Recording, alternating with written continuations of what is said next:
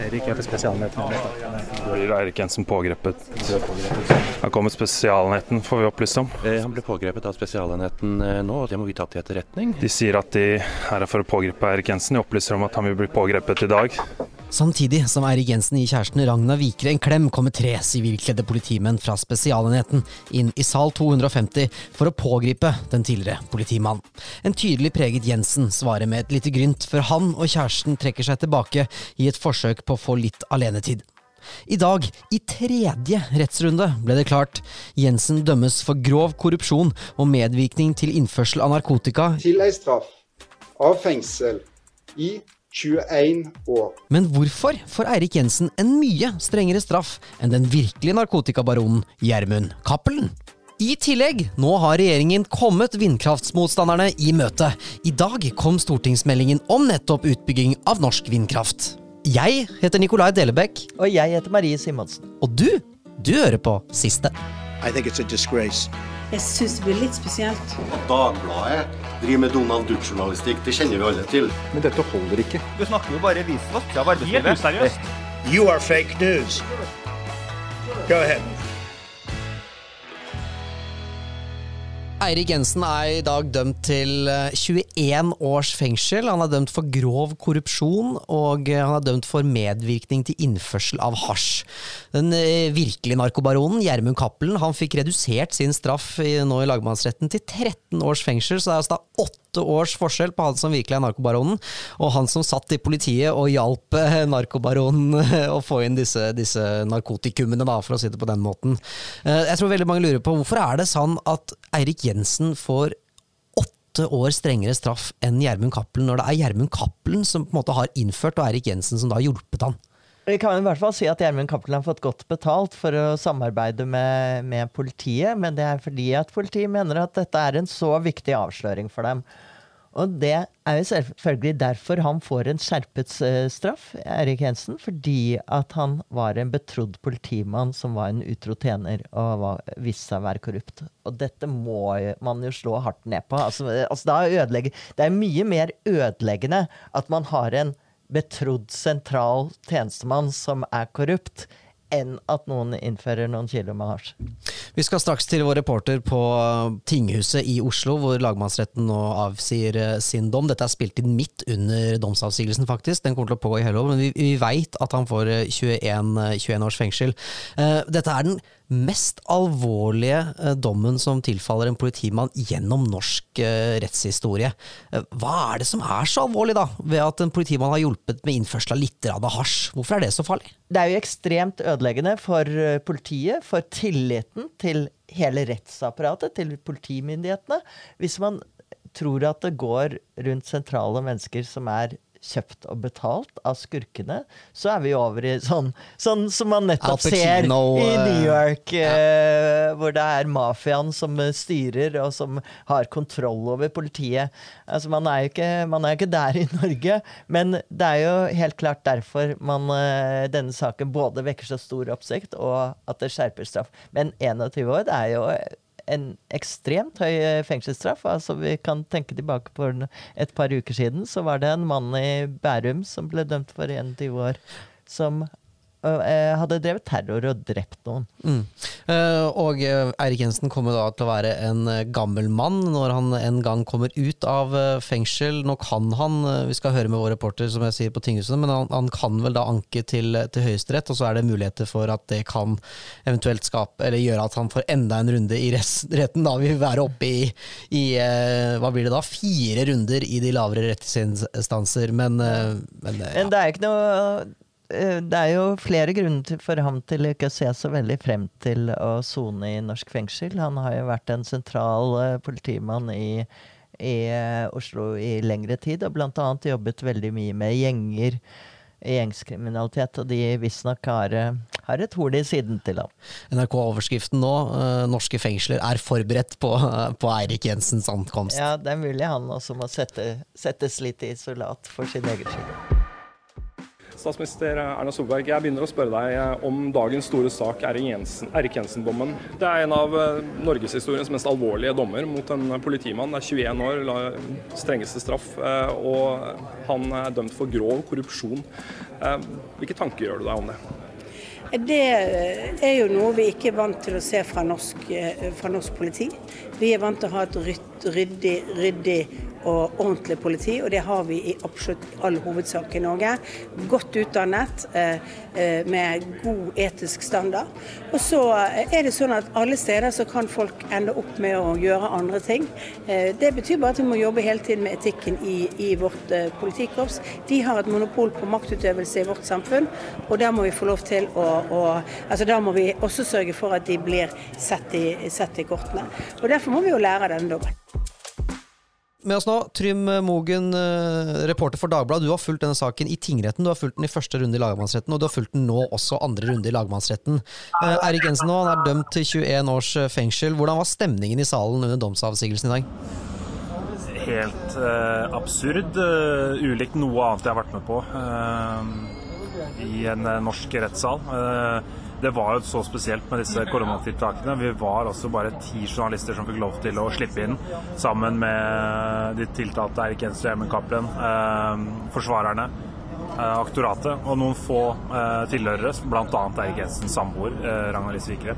Stemningen var veldig trykket, og denne slutningen ble lest opp like etter halv ni i dag tidlig, da, så var det omtrent Du så Jensen på tiltalebenken der, ingen fikk jo filma, så vi var et fåtall her som fikk observert han. Det var nesten så han gravde albuene sine ned i bordet foran ham og hendene til ansiktet sukket oppgitt, så mot samboeren sin, ristet på hodet. Så han hadde et åpenbart håp om å bli frikjent her? Skuffelsen var uh, synlig, uh, og den ble uttrykt av uh, hans forsvarer Jon Christian kort tid etterpå.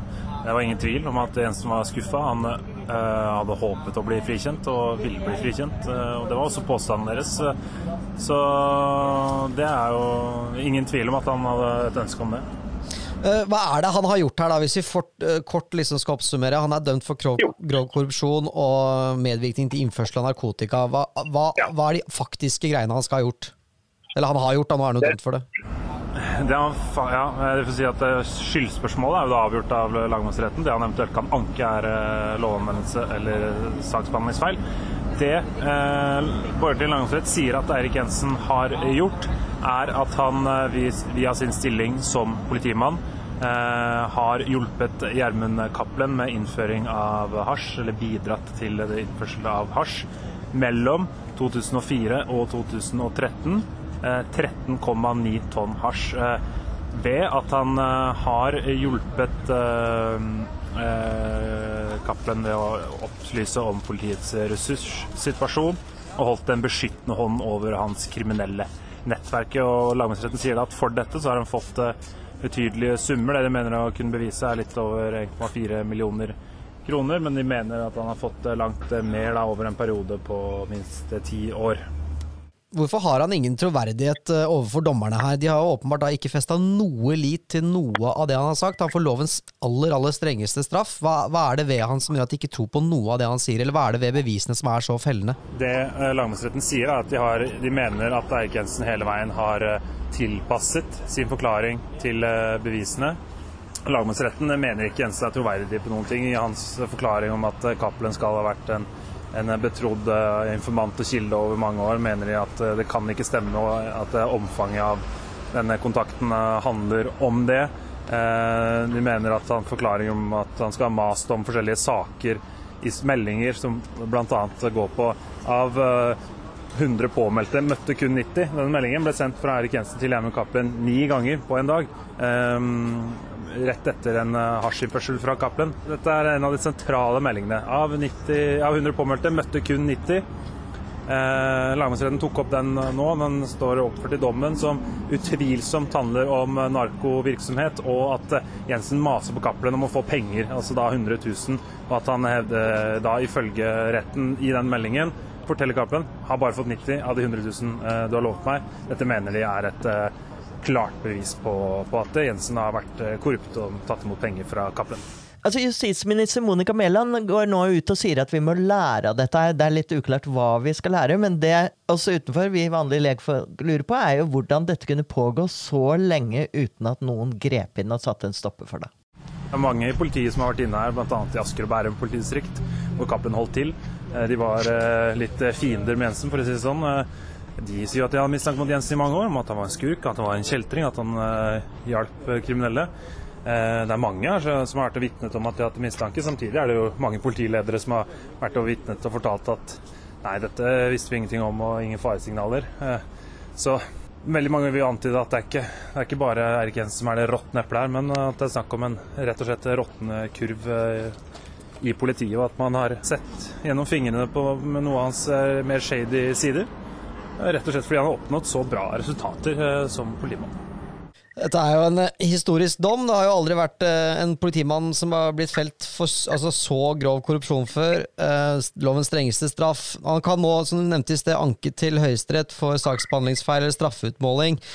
hvis han gjør det og han får medhold, hva skjer da? Er vi tilbake til en fjerde runde i de lavere rettsinstanser? Det, det, jeg tør ikke å spekulere for mye om hva som vil skje, men uh, Høyesterett kan jo teorien oppheve lagmannsrettens dom. Hva som uh, vil skje etter det, det tør jeg, tør jeg ikke å, å, å, begi meg ut på. Uh, rett og slett. men han blir jo fengsla nå, mest sannsynlig. Men til slutt, Trym. Hva er begrunnelsen for at selveste narkobaronen Cappelen får rett og slett redusert straff? Ja, eh, Godt spørsmål, Maria. Han får vel åtte års eh, strafferabatt, altså det han har gjort. Ingen tvil. 21 års fengsel. Men så har han da altså bidratt til å avsløre en gigantisk kriminell virksomhet. Må huske at han hadde et nettverk av kriminelle i, i rein Sopranos-stil under seg, altså hvor han var eh, eh, mannen på toppen, eh, narkobaronen. Og, og, dette nettverket har jo alle nå rettskraftige dommer. Mange som soner på, på lange dommer, som har blitt dømt til lengre fengselsstraffer enn Cappelen sjøl, som var sjefen. Det er fordi han har vært med på å oppklare det. Han har også snakket inn Eirik Jensen her. Da. Det er derfor han får dommen sin nå. Fordi man rett og slett må se hva Eirik Jensen blir dømt til, for å kunne gi han en straff. Så, så han får denne saftige strafferabatten nettopp for å ha bidratt til oppklaring og, og da angitt andre eh, personer. Eh, domsavsigelsen er ikke ferdig. Dette spilles inn eh, klokken ti over halv ett på fredag. Du er nødt til å komme deg tilbake inn i sal 250 og dekke dette videre for Dagbladet, Trym. Tusen hjertelig takk for at du var med i eh, siste. I går så hadde vi en eh, pod om eh, denne motstanden mot vindkraftverk i Norge. Akkurat nå så har vi 800 vindturbiner over det ganske land, eh, men flere skal det bygges. Og det er jo voldsom motstand. I går så eksemplifiserte vi den motstanden gjennom Haramsøy. Og så snakket vi om at i dag så skulle regjeringen komme med en stortingsmelding. Og jaggu har ikke stortingsmeldingen kommet, Marie. Ja, utrolig nok. Den var varslet og kom. Det er jo av og til skjer det. Eh, Geir Ramnefjell, fortsatt politisk redaktør i Dagbladet. Eh, hva har de, har de lykkes med å imøtekomme noen av kravene? Eller hva tenker du om det som er lagt frem? Hva er hovedpunktene her? Ja, det er helt klart det at eh, det har vært eh, hele hovedmotivasjonen til denne stortingsmeldinga er å komme motstanderne i møte og prøve å ta ned konfliktnivået. Eh, det som er hovedpunktene, er at de sier at det skal være en større grad av lokal forankring. Altså at kommunene og eh, fylkeskommunene skal involveres på et tidligere tidspunkt og på en annen måte når disse konsesjonene skal eh, behandles og vurderes. Så skal det tas mer natur- og miljøhensyn. Så skal det settes strengere tidsfrister for eh, fra konsesjonssøknadene er eh, god, godkjent og til, og til, de må være bygd. Sånn som det er nå, så har det gått fra mellom 10 til 15 år fra konsesjonen er innvilga til de er bygget. Nå settes det en frist på mellom to, eller, eh, fem og sju år. Eh, som er en ganske streng, eh, streng eh, ja, ikke sant? Fordi, fordi, noe av konflikten har vært at eh, noen av disse konsesjonene er 15 år gamle. Ja, nettopp.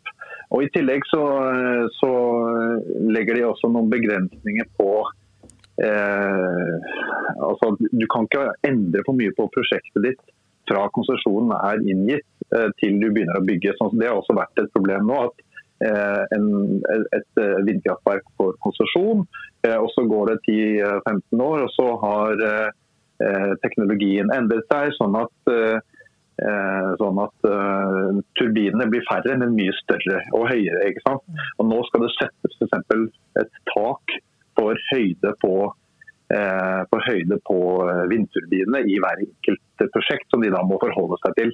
Dette er jo typiske grep for, for å hindre eh, motstand og, og, reaksjoner, og for å komme eh, mye av den motstanden som vi har sett i møtet. Men noe av utfordringen her er jo at bråket handler jo om konsesjoner som allerede er gitt. Hva med dem? Nei, de, um, de, er jo ikke omfattet av dette her. Dette gjelder jo konsesjoner som, som, skal behandles videre. og eh, Det vil gjelde for alle konsesjoner som er inne til behandling nå. Men som, de konsesjonene som allerede er gitt, de vil jo egentlig da gå uh, uforredent. Men der har det også skjedd noe nytt i dag. Uh, og det er at um, på, Etter et initiativ fra SV så har Stortinget vedtatt å hastebehandle et forslag om å sende allerede gitte konsesjoner tilbake til Energidepartementet. Eh, og eh, for å sikre at de eh, er i tråd med energi, altså med gjeldende lover og regler. Da. Og Det mener jo selvfølgelig Olje- og energidepartementet at de har gjort, men dette er jo for å dobbeltsikre og kunne komme motstanderne i møte og, ha, og, være helt sikre på at man ikke fører denne kampen da, mot, mot Eh, mot vindkraft, som er jo ekstremt sterk eh, på feilaktige premisser. Så Det blir på en måte en liten timeout da, sannsynligvis nå en stund framover, når dette her eh, blir vedtatt. Og det blir kanskje en rolig, rolig, sommer. Jeg har ikke inntrykk av at det blir noe timeout i debatten. Jeg har allerede vært inne på Motvind Norge. De, der står ikke jubelen i taket, kan jeg allerede avsløre. Takk skal du ha, Geir.